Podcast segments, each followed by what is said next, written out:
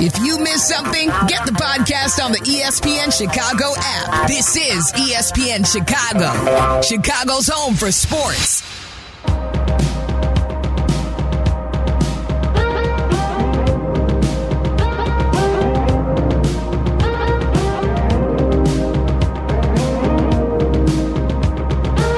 It wasn't just the fact that the Blackhawks were fortunate enough to have their lotto combination come up and award them one of the generational prospects in the draft. They also had a little bit of luck on the first round of draft night when Oliver Moore fell all the way to 19th. And if you believe what Kyle, Kyle Davidson was se- selling after the draft, he was saying, hey, we were doing our best to actually trade up so we could select Oliver Moore. Nobody was willing to part with their first round picks. But you know what? We didn't have to because Oliver Moore fell right into their lap. It was a good, good day, Brian, to be a Blackhawks fan and general manager on Thursday night. And to recap it all with us and talk about where they're going, the man who covers the Blackhawks along with Scott Powers, he does a great job. Mark Lazerus, love his information on the Athletic. It is well worth your money if you are a subscriber and a Blackhawks fan. Laz joins us now on ESPN 1000. Mark, uh, what'd you think? I mean, uh, as a Hawks fan, it's finally fun to be excited about this team again. It's been a couple of years, right? I mean, nobody around the league feels all that sorry for the Blackhawks, having won, you know, three championships in six years, not that long ago. But it feels a long time in Chicago, especially with how, you know, dark and dismal the last two years have been around the, the team. So, yeah, I mean, that's what that's what a Connor Bedard brings, right? A generational talent like that, it brings you hope. And the Blackhawks, for the first time in a few years, they're not just filling holes and stopgaps. They're they have hope. They have someone to build around. And Mark, we know about the shot, and it, you know he could have the best shot as he enters the league of anyone in the league. That's a pretty tall order for a 17, soon to be 18 year old. But all the intangibles, everyone's just so impressed about his maturity and his approach and his confidence, everything else. You've been around him a little bit now. What impresses you most about a, a, a kid who's going to be the face of the franchise and hopefully, if it all pans out the way it's supposed to, uh, one of the faces of the league? Yeah, the word you hear a lot is humility. He's very humble, despite the fact that he's been hyped as like the next big thing since he was, you know, 12 or 13 years old. Uh, he seems to be comfortable with all this. He's done press conference after press conference, TV interview after TV interview, and you know he's got all the answers down pat. He doesn't look nervous. He doesn't look overwhelmed by it, and that's good because the pressures he faces, the expectations he faces, are patently absurd, right? Mhm, yes. I mean, nobody could live up to what they're saying he's going to be. I keep saying this: if he has Patrick Kane's career, then he didn't live up to the hype. And Patrick Kane's the greatest American hockey player who's ever lived, a Hall of Famer. If he has the same career as Patrick Kane, it's not enough. It's absolutely ridiculous the expectations being heaped on a 70. He's not even he doesn't even turn 18 for a couple of weeks. No, it's, it's so true. Um, and even, you know, and that's where uh, people who casually follow the Hawks, but are obviously were on the bandwagon for the, the cup runs, are intrigued. And it, you hit it on the head. I've heard that multiple times. Like, if he's just Patrick Kane, people will be disappointed. And, you know, if you look at the stats that Patrick Kane has amassed, I mean, of course, they are great. As you said, the greatest American born player ever. But you can't look at Kane, uh, Kane's career and not mention that he won three Stanley Cups. I think it's, I think it's certainly plausible that Bedard, his stats will far and away usurp Kane when it's all said and done. But he may not win three cups because it takes a lot to win in the National Hockey League. Well, yeah, look at Connor McDavid. Connor McDavid is the best hockey player who's ever lived, right? Yep. Like he, he might not be as dominant as Gretzky was, but he is the singular most talented player in the history of the sport. And he's been in the league eight years, and he's not won a single conference final game yet. So you know it's really hard. This is this isn't the NBA where one guy can come in and completely change the complexion of a franchise, right? I mean, you know, Connor Bedard's going to play 20 minutes a night out of 60. He can't do it all by himself. You need Lukas Reichel to be a star. You need Kevin Korchinski to be a number one defenseman. You need Oliver Moore and Frank Nazar. You need all these guys to become something. They don't have to be the megastar now. You've got your megastar. Connor Bedard is going to be a megastar. I don't think anybody thinks there's even the slightest chance that he's a bust, but he needs help. So all, these other guys are going to need to be good complementary pieces. You need you need your Patrick Sharps, you need your Niklas Hjalmarssons, you need your Brent Seabrooks. You know they might have their Jonathan Toews and their Duncan Keith now, but they need more than that. So, Mark, you know, one thing for the hockey gods to shine upon you and you, you defy the odds and get the, the franchise changing player Um, but there are other things. The the approach of this front office and this coaching staff uh, seems like they're emphasizing speed. Um, what is it about the changes they're making in, in, terms of organization, approach, and, and systems and everything else that Hawks, Hawks fans should be excited about? Well, yeah, I mean the game's faster than ever, and the Blackhawks are trying to catch up. Stan Bowman, in his last few years, kept kind of oscillating between, you know, we want small, nimble defenders. No, now we want gigantic guys, and then now we're not so sure. Kyle Davidson has a type. Luke Richardson has a type, and it's fast and guys with really high motors. Competitiveness is what they're always talking about. And every guy they've brought in, you know, we haven't seen a lot of them play yet, but their reputations are they're fast and they are hyper competitive. They don't take shifts off. They don't glide around. They are always, always on. And that's the kind of talent you need. You need that and uh, that's what Kyle Richardson and or uh, Kyle Davidson and Luke Richardson want to see. Well, and Kyle Davidson made the move to acquire Taylor Hall um, just before they went ahead and drafted Connor Bedard, and obviously that gives a, likely Bedard a winger to skate with in his first season here and they also a name that Hawks fans are familiar with, although they may not be fans of. But hopefully he'll uh, make a, a, an impact on the fans. Corey Perry, also a former Hart Trophy winner, so they bring in a couple of Hart Trophy winners, but a couple of guys who have seen their best days. What exactly do those veteran additions mean to this team, and you know how long until you think they can be a competitive, contending team for a playoff spot? Mark. Well, none of the guys they added here are probably going to be here when the Hawks are contenders again. It's hard to imagine Taylor Hall. He's only 31. He's got he's got a lot of gas left in the tank, but he's here for a couple of years to give Connor Bedard someone to work with, and then maybe get flipped to the deadline either this year or next year uh, for other pieces. Um, Corey Perry, that's a one year thing. Nick Foligno, that's a one year thing. Just some veteran leadership, maybe a little protection for Connor Bedard. You know, there's still that hockey old school mentality that you need someone who can stand up for the little guy. But I'm telling you, if you've seen Connor Bedard, he's five nine and three quarters, but he is thick. Yep. He is sturdy. He does not look like Patrick Kane did when he came into the league. He is a strong kid. I think he'll be able to handle himself just fine. Kind of, kind of the way that Alex DeBrincat did when he came into the league. So, um, you know, those guys are stopgaps. Everything. Maybe Philipp Kurashev is like the only guy on the team here that might still be here at the other end of this. You know, beyond the young guys like Lukas Reichel. Uh, there's we're still in that transition phase here of the franchise, and they are, you know, two, three, four years away from really even sniffing contention at this point. It's still a long process. So, and that's uh, was going to be my next question. Uh, Kyle was smart enough not to put a timeline on it when he took over, and even with Connor Bedard being uh, the centerpiece of everything, it still sounds like he said two, three, four years. Two might even be optimistic, but they did take the first goalie in the draft. Is that what you know of uh, as Adam? Is it Gajan or Gajan? Gajan. Um, what what is it? Is he the goaltender of the future, or is this uh, too soon to tell? Goalies are so hard to, to forecast. They take so long to develop, and that's why a lot of teams don't draft him because by the time they are NHL ready, they're on another franchise.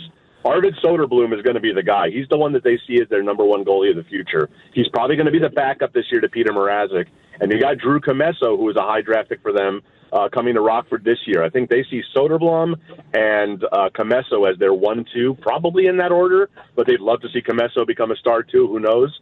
Uh, that's your goaltending tandem the future. Gajan, it could be God. It could be it could be five six years. Corey Crawford was like 28 by the time he finally broke into the league.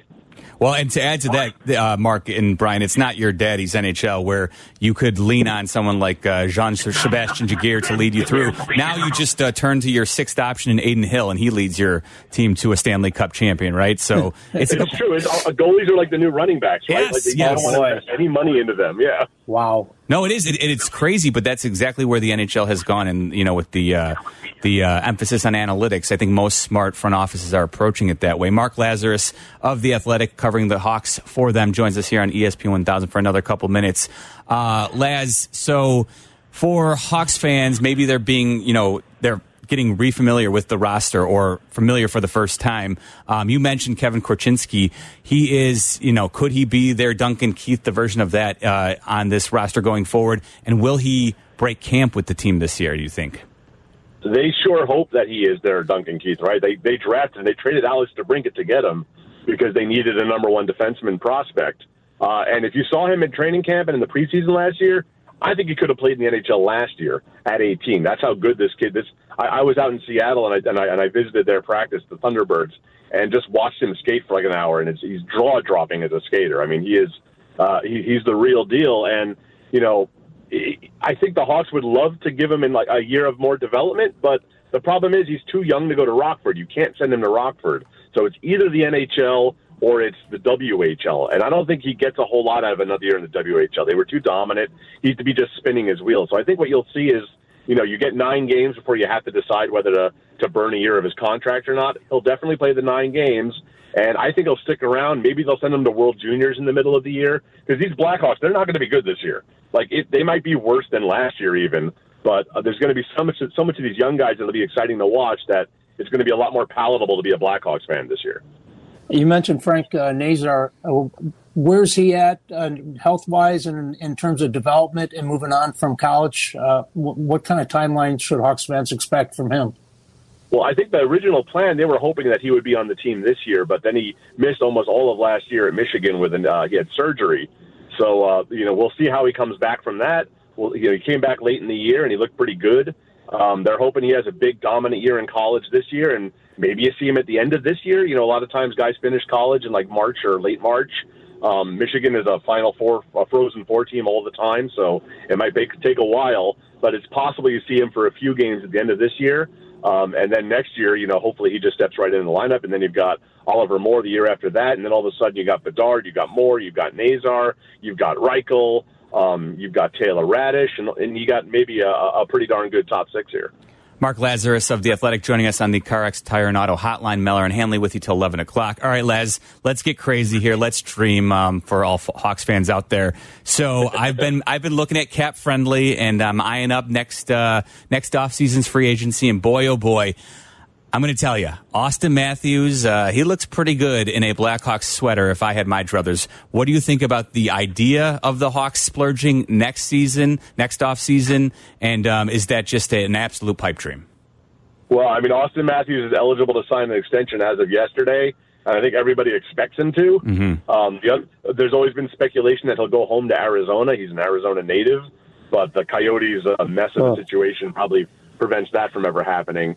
Um, look, who wouldn't want Auston Matthews on their team, right? But the plan right now is that you know, I don't know if next summer's the time to make the jump. If they're more competitive this year than we think, if Korchinski steps right in and is great, if Bedard is fantastic right away, if Lukas Reichel takes another step, then maybe you think, all right, you know, now it's time to add. But I think there's still about probably the summer after that is when they're going to start adding and then turning a lot of those draft picks that they've accumulated. You could you know, flip those at the deadline and start acquiring instead of being the one getting all the futures. I, next year feels really optimistic, but it is a great like this is a horrible free agents class this year, which is why you saw so many trades leading up to free agency. Next year's is star studded, and you know it's fun to dream. Uh, Kyle Davidson has the longest leash of any GM I've seen. Management believes in him. He is not going to rush this thing. He is going to try to do it right. And if he thinks he needs one more year of of building it up before going for it, then that's what he's going to do. Yeah, that Arizona thing. Uh, I, I, you know, I got the idea. I, mean, I, Gary Bettman wanted to expand the geographic footprint for hockey for TV reasons. It's just I don't see that ever really working down there, and the the whole lease deal and everything else. It's here's you know, the thing, they, though. Even if yeah. even if they wind up moving to uh, Houston because of ownership and all this mess, they will expand right back into Arizona within the decade. I guarantee you, they will never give up on Phoenix as a market. The snowbirds, yeah, okay. um, all right, uh, Laz. As we let you go here, uh, feed the uh, the craziness. So I've heard heard John Buccigross throw out a, an over under of 37 and a half for Connor Bedard goals in his rookie season. That just plays into your idea of the expectations being enormous for him. What kind of stat line do you think is realistic for Hawks fans to watch for from Bedard? Well, Auston Matthews, I think, had 42 goals in his his rookie year. He had four goals in the first game. That's tough to live up to.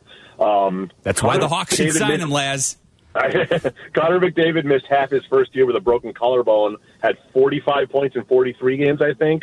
And the last uh, rookies to have 100 points as rookies were Ovechkin and Crosby.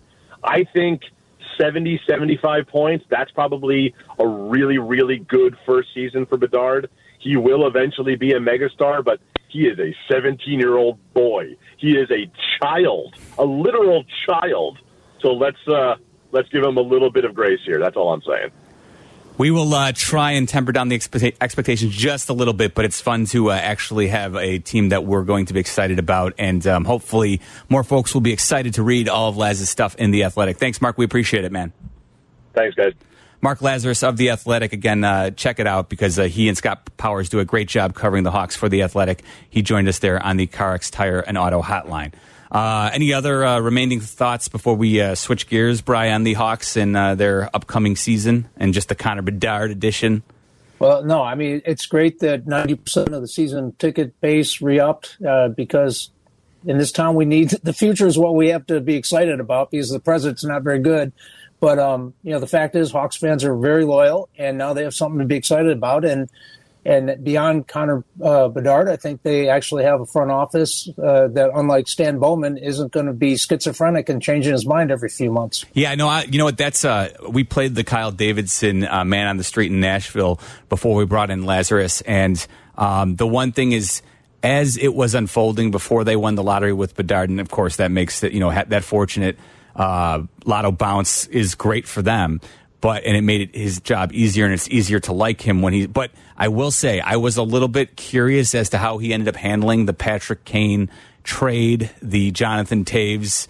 I don't you know I'm not going to call it forced retirement, but the you know the forced um, he, forcing him out of at least Chicago with that uh, that kind of abrupt hey tonight will be you know Toews' last game against the uh, Flyers, I believe it was right when um, yeah. when they uh, abruptly announced it. The, His contract officially expired Friday. So yeah, so I, I, don't know if Jonathan Toews will play again in the NHL. He has obviously fought numerous health issues the last couple of years and hasn't been the player who um, you know he has. He wasn't the same player who helped uh, captain them to three Stanley Cup championships. But um, you know, I was a little curious as to how it was being handled, but now that he's had a little bit more runway to kind of work this out and we've seen what he's been able to do uh, you know i think lazerus you know talking about how the hawks want to build this up he's got he know he, he knows he has a, lot, a long leash i think he's done a good job of putting them in a very good position to strike going forward and um, you know if connor bedard just lives up to half the hype, uh, they'll be in good position to be competing for cups, uh, you know, within the next five years, which I think is something that Hawks fans can truly be excited about. Yeah, it, it really, when you're talking about uh, if he only has a Patrick Kane career, then he didn't live up to the hype. Man, that's a that's a bar. That's a high bar. No, and, and but it's it's I think it's absolutely true, right? Like sure. you know, and I do think statistically, I think Bedard is going to be capable of kind of putting up bigger numbers than Patrick Kane did because you know Kane was a playmaker. He did you know like, look he had his uh, forty goal seasons, but Kane never cracked fifty. Right? I think Bedard, what you've heard about, you mentioned it, his shot in this league, he could be the best the moment he steps on the ice in the National Hockey League. Um, he's going to have an opportunity to score a lot, a lot of goals. So if they can surround him with good players uh, you know, they may have a chance to uh, really have something special. And back at the UC, that will be fun for Hawks fans. He's Brian Hanley. I'm Jeff Meller, uh, taking your calls at 312 332 3776. We can uh, turn our attention back a little bit to, uh, to baseball, where the Cubs and Sox continue to. I think make it easy on their general managers as to what to do at the trade deadline. We'll talk about that next here on ESPN 1000. This is Chicago's home for sports. ESPN Chicago. Listen now in HD on our app and on ESPN 1000.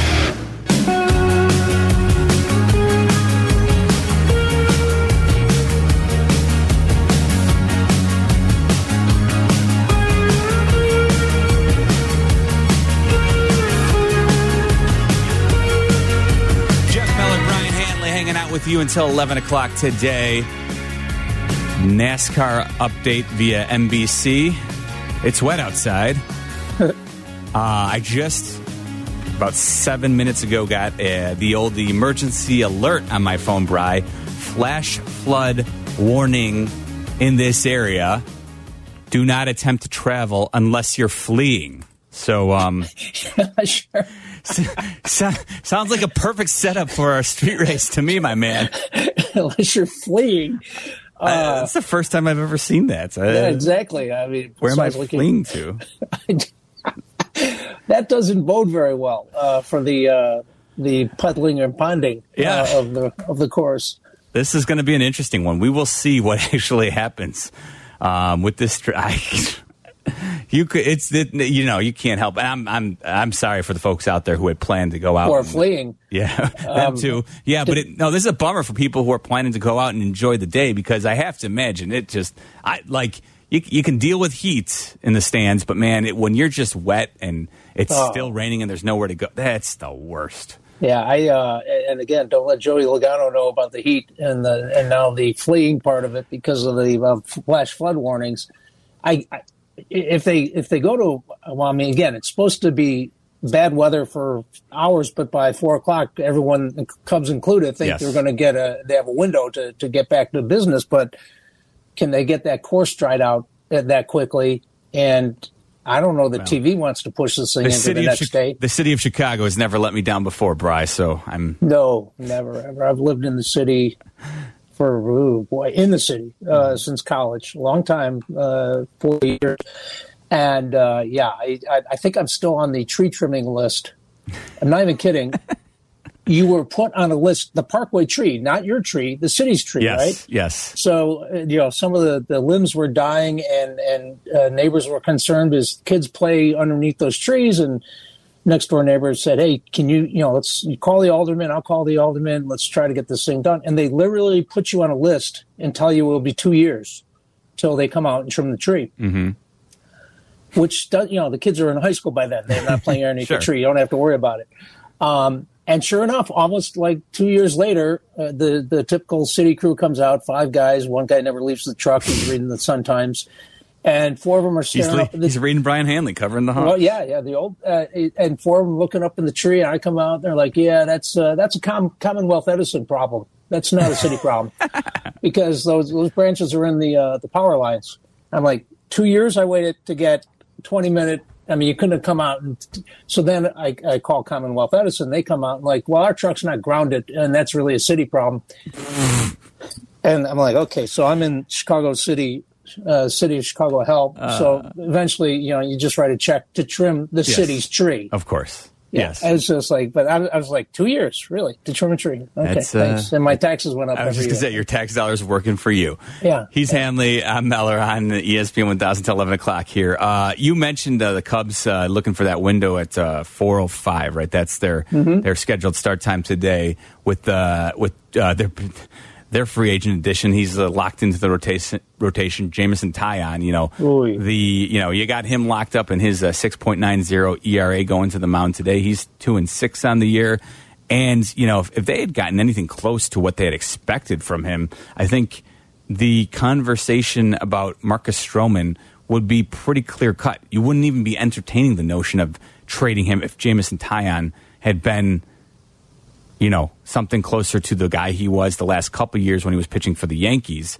But that's not the case. And so now, uh, Will, our buddy Will Chase, uh, who follows us, uh, asked on Twitter, what should they do with Marcus Stroman at this point? Do you trade him or do you try to keep him? And, um, you know, uh, another, uh, a, a tougher outing yesterday in the loss to the Cleveland Guardians. And I think it's, I mean, I think the prudent move for the Cubs at this point is to probably see what you can get as the trade deadline approaches because I don't like you. You can't go forward after the trade deadline, Bry, with just what they have. The Cubs, that is. They're not. It's just not going to be good enough to, I think, win the Central and make some noise in the playoffs. So, if you're like, you can't stand pat. I don't believe. If you're not going to sign Stroman, you want to get something back. And the other thing is, if you're going to add to your, I don't think they're in position where you, they want to be trading away, you know, decent prospects who are the core of their future to add for this this season. So I think it needs to be Marcus Stroman. What can we get for him? Well, and he can opt out, and he's been very public that there are no negotiations ongoing.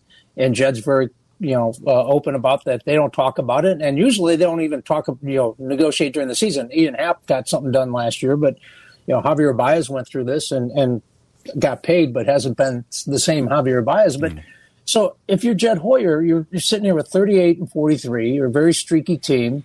you're the only team in the division with a positive run differential for what that is worth. Okay.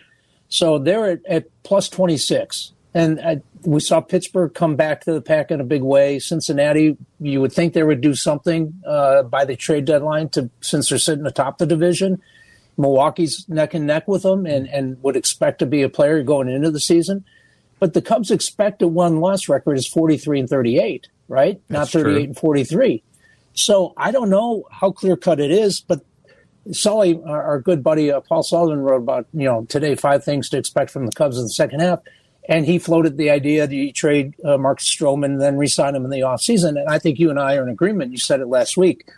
That always sounds good, and it rarely happens. Uh, Marcus Stroman will find maybe happiness on a team that's a legitimate playoff contending team and might win something, and he'll get paid.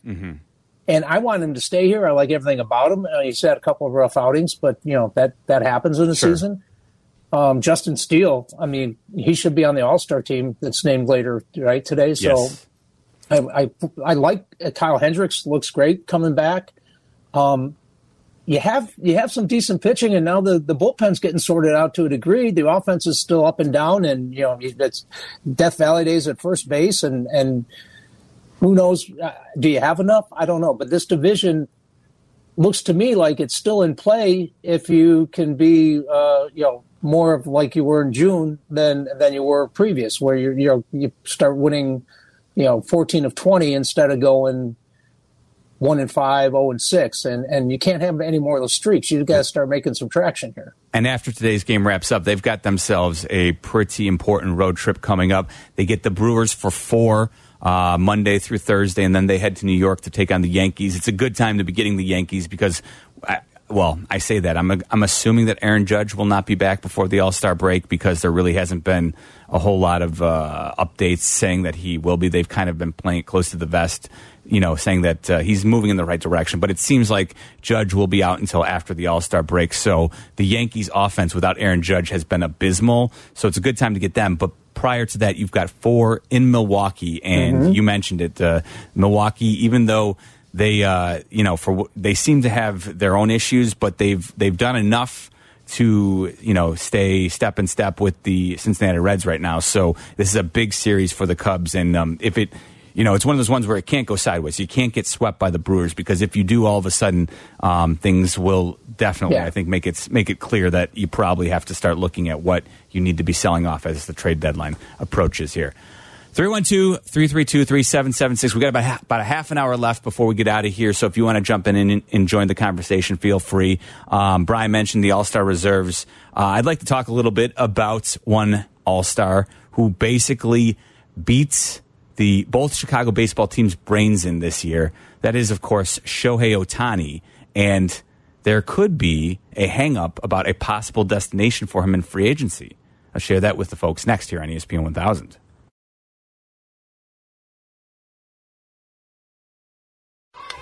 Pitch lifted in the air. High and deep to left field. Luke Voit has sent this one off the scoreboard home run. 424 feet.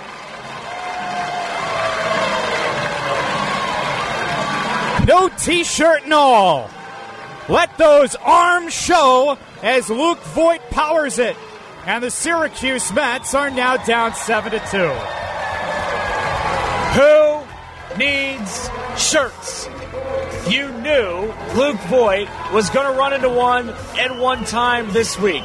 He has been taking Ruthian hacks all week.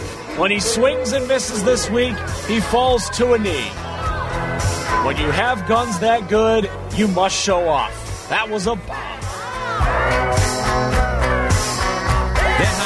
Was courtesy of the Syracuse Mets, the Mets AAA affiliate, who yesterday, Bry, in their Saturday home game, decided they were going to rock the sleeveless jerseys. However, Luke Voit was the only man on the team who did not wear a shirt underneath. So he was wearing essentially a tank top jersey, and he uh, had a couple buttons down so you could see the chest hair as well flowing. And he proceeded to hit a mammoth shot yesterday, as you heard on the highlight there. So Luke Voit going uh, sleeveless, and uh, it paid off for him as he tries to make his uh, he tries to get called back up by the Mets uh, as he is in AAA right now. Sun's out, guns out. Yes. Uh, yeah. Well, God bless him. Um, and that was uh, what we say, 423 feet. Yes. Not, exactly in Shohei's stratosphere. No, Uh, no, no, no, he's not. Because man, oh man. Okay, so Shohei Ohtani, uh, we've we've seen him crush the Sox, and then we saw him crush the Cubs, and then we saw him crush the Sox yet again this past week. And I mean, he really just has taken it to a, a completely different level now. Like we knew. We've been we, listen. Like what he's doing is insane. I feel like I find a way to shoehorn him into our show every week, Bry. Why But- not? But yeah, we're talking about the like a guy who's trying to put together a compelling argument as the greatest baseball player of all time. That's what he's trying to do. And if he can, you know, put together a few seasons like the first half that he's done this year, I mean, it's not going to be too long before people start saying, yeah, that is true. Shohei Ohtani could be the best baseball player in the history of the game. So he hit his longest home run to this point in his career. And by the way, he'll be 29 on Wednesday. 493 feet, exit velocity of 115.1. The month of June. Okay, so that was his 30th home run to this point, right? Mm-hmm. So far to this point, and June was off the charts. Um, but to this point in the season, he's got an OPS plus of 188. He's 15 doubles, five triples, 30 home runs, 67 RBI, 60 runs scored, 11 stolen bases just for grins. Yes. Seven and three is a pitcher with a 3.02 ERA with a WHIP of 104 and 127 strikeouts and 95 and a third. We were talking a few weeks ago, what 500 million? Yep. I mean, that might be low. That might be conservative. I what if he continues? And he's again, he's in this prime right now. What can he do? And, and could he even be better than this? I mean, the, the if he can up his game from June and and the first half of the season, oh my good lord, what was that contract going to look like? It is absolutely staggering, and yeah, I know. I uh, I was working, I think, on uh, Tuesday with Shay Norling, and I floated the idea. Look, if you start to think about like you know money, it seems like he wants to be on the West Coast, right? Like it, he's comfortable with the Angels. Uh, Jeff Passan was on with Carm and Jesse Rogers, I think, on Friday morning, and uh, Jeff Passan was saying, "Listen, don't." undersell how important just being comfortable with the Angels could be. So if the Angels make the playoffs this year and they and they just don't, you know, completely lowball him, then don't dismiss the fact that he could just head back to the Angels. And if not, you'd think the Dodgers are going to be big players and a very enticing alternative to stay in the same city if he is truly interested in moving because he doesn't think the Angels are going to be competitive enough. They don't know how to build a winner. So that could be your alternative. But also there's the the Mets who are, you know, lurking because Steve Cohen, their new owner, who really didn't shy away from spending big this previous offseason, um, you know, there's a lot of Their people payroll is 350 million. and if that's what you need to pay for uh, for a team that is currently nine games under 500, uh, you know, I think uh, most people would say we'll pass, right? But so, Yeah, you don't need a sleeveless Luke to show No. up. You need a lo- lot more than that. and maybe they do. Maybe that's why they're not uh, winning baseball games because Voit's toiling away in the minors. But so Shohei Ohtani, could the Mets be players? Could they entice him with a 600, 700 million dollar contract offer to come come play on the uh, Eastern Seaboard? That is the question, right? Well, everybody knows Shohei Ohtani wears number 17, but that number is retired for the one and only Keith Hernandez. Keith was asked by his partner Gary Cohen on their broadcast the other day, SNY, what what what would happen if Shohei wanted to come play for the Mets. I have had half a dozen people ask me this question. If Ohtani were to sign with the Mets, would you allow him to wear his number 17? Well, they couldn't.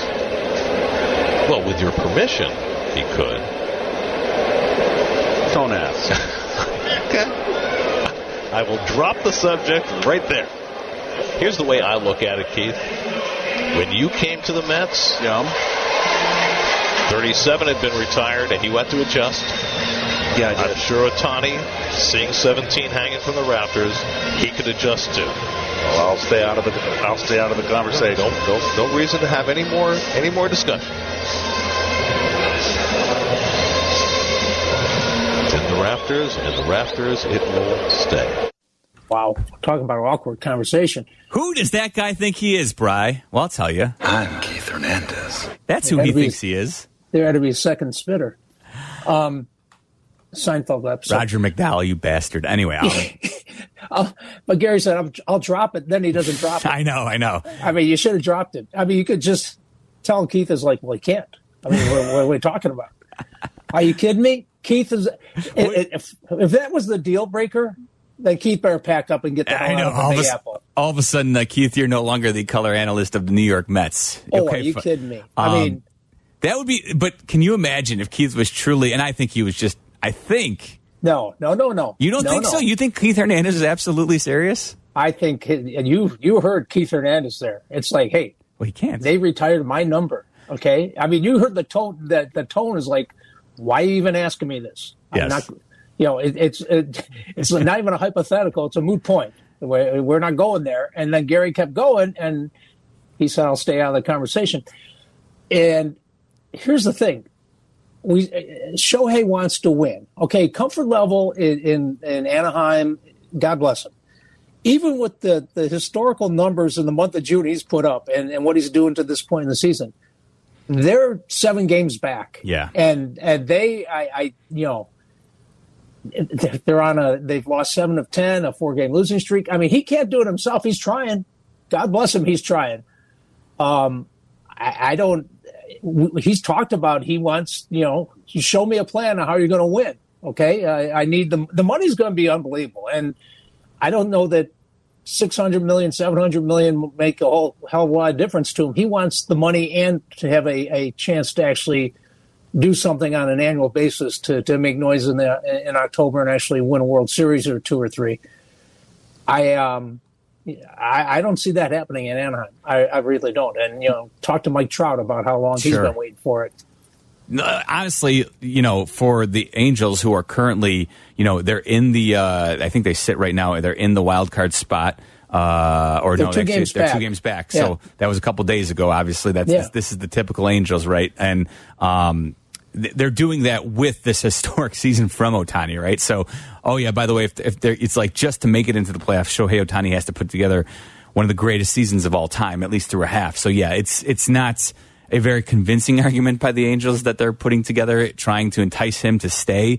That they can they're capable of being a winning organization, um, but uh, you know the money it's half a billion dollars is going to be there wherever he ends up signing. It's just a matter of I think yes, you're you know going to the team that gives him the best opportunity to you know compete for for you know for to win a World Series. I think that's important. And, and again, I'll reference again Well- Jeff Jeff Passan said like winning for Shohei Ohtani is probably you know the money he he he in his when he was you know 23 years old and he first came over to Los Angeles, he was not eligible for free agency. He actually forewent you know hundreds of millions of dollars so that he could come play get out of his contract in uh, Japan early and come play for I believe he what was it like 10 million dollars that he signed for and Right. he just wait waited 2 years he would have had over 200 million dollars and then Jeff Passan also referenced in his most recent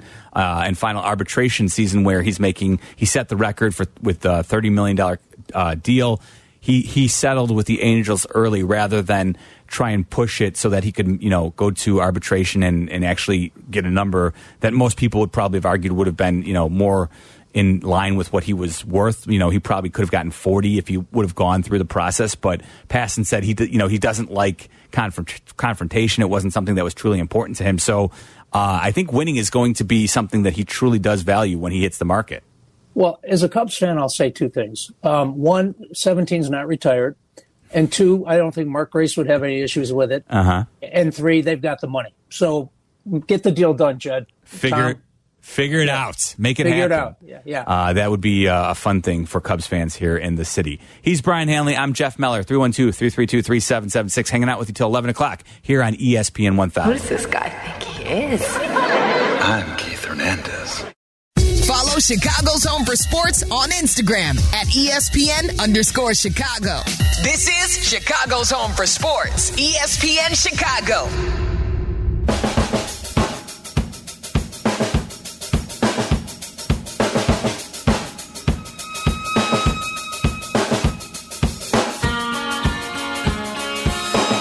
Sunday, rainy Sunday here on ESPN 1000 in the city of Chicago just across the Chicago Theater inside the Old National Bank studio. I'm Jeff Meller along with Brian Hanley. I want to say thanks to Kendra Smith for producing today's show.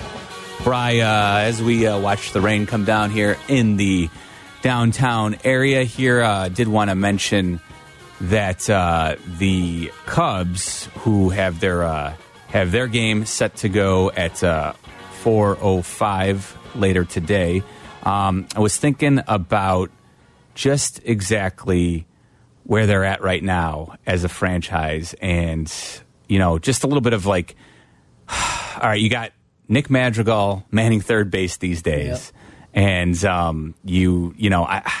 And you're waiting on Patrick Wisdom. You- Um, you've got and Cody- God bless you know Yeah. Patrick. We know what what he is, but you, you hope for a little bit stronger presence at third base uh, for the future moving forward. Wouldn't you think? Yeah, absolutely. And then, but I was also, you know, you've got Kobe, Cody Bellinger in center fielder, and yesterday making a silly play where he, ball goes under his glove, right? But um, you know, I'm looking around at the roster, and it's like they've got a lot of, you know, up the middle, Swanson and Hoerner. That gets it done certainly when Bellinger is. You know, healthy and playing, you know, his gold glove caliber center fielder. He's good, but I don't think he's, you know, no one's counting on him being here long term because he's a free agent at the end of the season. He might be traded if Stroman is too. So you're looking at the roster up and down, and while I, there's some nice pieces, right? I, I still think, and, and Ian Happ and Seiya Suzuki, I think are certainly um, they're managed. They're they're they're, wor- they're okay. They're good. They're not you know by any means. Do we do we know enough about Seiya at this point, given what uh, you have invested in him? no, it, I, no, I don't. That No, I, yeah. it, that and he doesn't seem to stay healthy. You know, That's to give you a full big season. part of it. Yeah. Um, you know, he's you've got the Eloy Jimenez problem with same thing with as Suzuki, but you know, I'm you look at the the roster, and while there's a lot of nice players, there's still no real superstar caliber bat in this lineup. And you know, and and and the problem is, you look at the Cubs prospects, and there's no real superstar bat in the minors either. P, uh, P. Crow Armstrong is if Bellinger walks and, and PCA steps in in the next year or two, he's a Gold Glove caliber center fielder, but.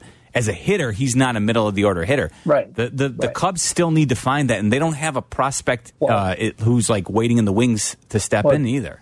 I mean, Davis has had back Yes. issues. He's got another issue now. He can't stay healthy.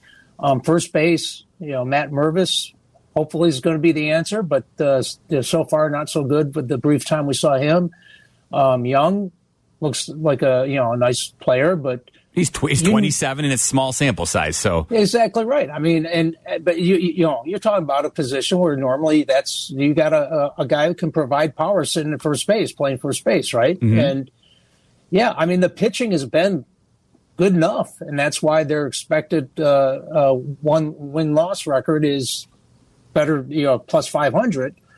And they're the only team in the division with a, a plus uh, run differential.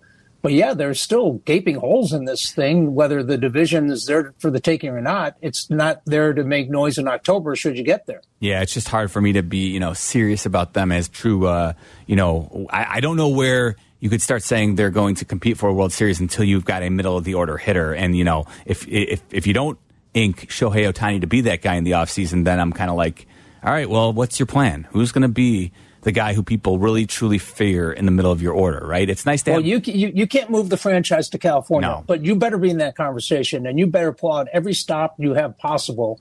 You know, to to put together the video that you showed Jon Lester to envision a World Series and him leading the team, and he did it. You better that it better uh, not be for lack of salesmanship and or money. I mean, you, you need. There's no excuse for the Chicago Cubs not to be in that conversation, whether you actually win the win the uh, the rights to, to have Shohei do that here in Chicago or not. It it shouldn't be for lack of trying. We got uh, just under a minute, Brian. You want to sound off on David Ross uh, letting, uh, not letting, but Madrigal and Morel bunting on his watch the other day? Any thoughts, Yeah, I- leftover I- thoughts? I- yeah, I- he said they forgot how many outs. I mean, Madrigal, yes. Yeah, I mean, what are you what are you doing? Uh, you know, maybe, Nicky two, Nicky, uh, what's his the, the old uh, Nicky two strikes? Yeah. Nick, Nicky two strikes. Nicky Yeah. bunt when there's two outs. Okay. Good times. All right, Brian. As always, it was uh, my pleasure. Thanks for joining me. We'll uh, do it again next hey, Sunday. if you're fleeing today, you can make sure you're, you're out and about. But if you're not fleeing, stay inside. Yes, hopefully it'll be a drier Fourth of July for all the folks out there. Enjoy the uh, big hot dog eating contest at Nathan's. Always makes me want to vomit. All right, Cheese Hanley, I'm Meller. Thanks for listening. White Sox baseball coming your way uh, at 2.30 with the pregame. Thanks for listening, folks.